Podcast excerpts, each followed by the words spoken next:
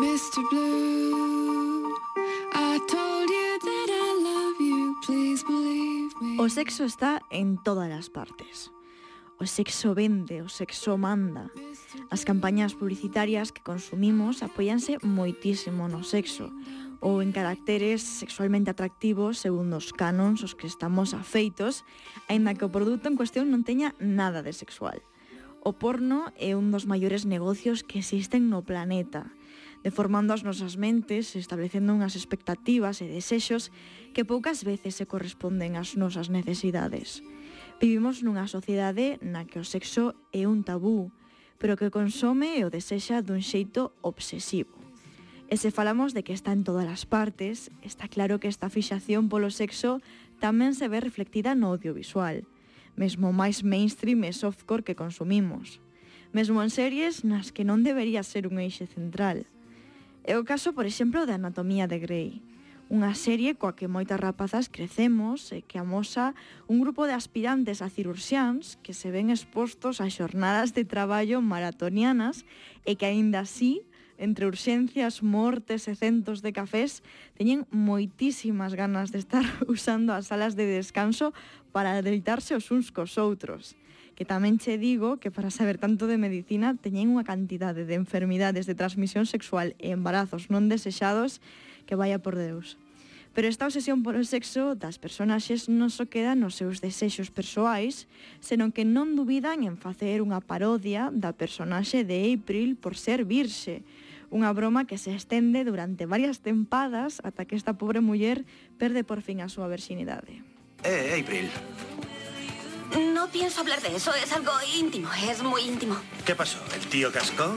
Alex. Duró tres segundos. ¿Y no sabes si cuenta? No. Mm. Pasó en la playa al atardecer, fue precioso. ¿Al atardecer? ¿En Sí. serio? ¿Y no había gente cerca? ¿En la playa? Se te mete arena por todas partes. Y hay mosquitos. Sí. ¿Eres virgen? No lo soy. Lo es. Sí que eres virgen. Hácelo, hácelo, hácelo ahora mismo. Alex, desvígala, anda, hazlo. Pero é que este non é o peor caso, porque en Anatomía de Grey teñen o bonito detalle de facer que todas as persoas ese sean maiores de idade, pero as mesmas burlas e a mesma fixación co sexo acontece, por exemplo, en Euforia eh, e ningunha chega aos 18 anos.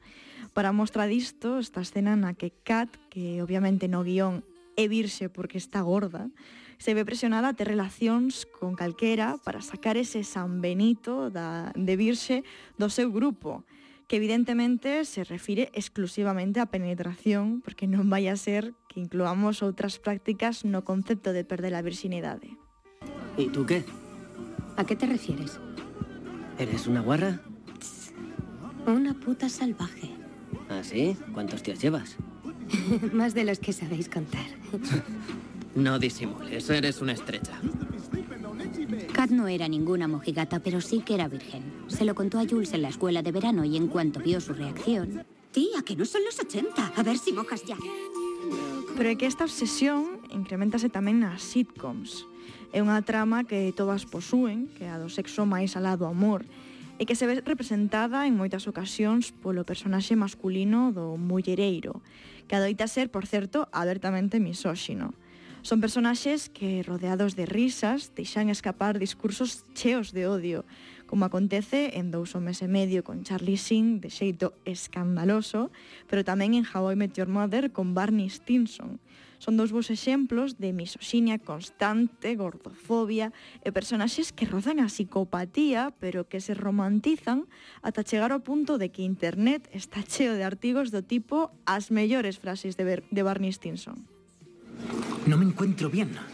Es como si mis testículos fueran una mezcla de hielo y sifón. Es increíble que te haga esperar un mes entero.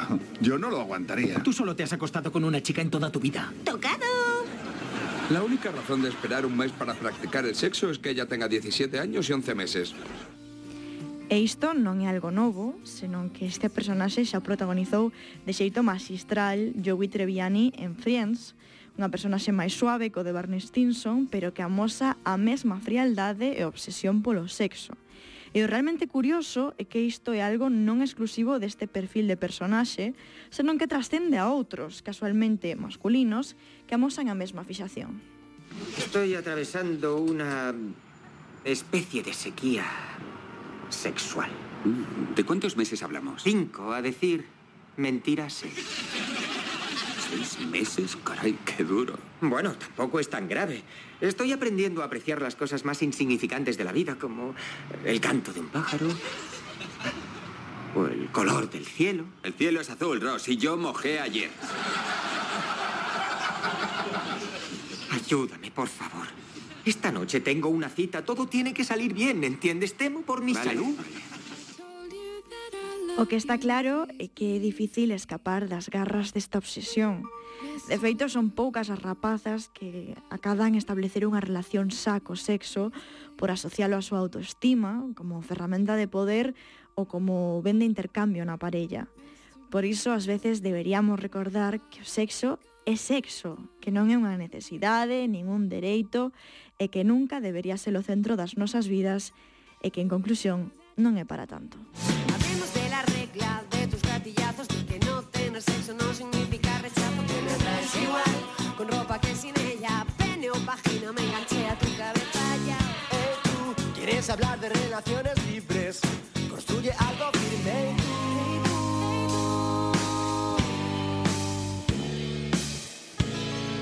Hoy quise destruir el amor, Hoy quise destruir mi enemigo. lo maté, lo maté, lo maté, lo maté, lo maté.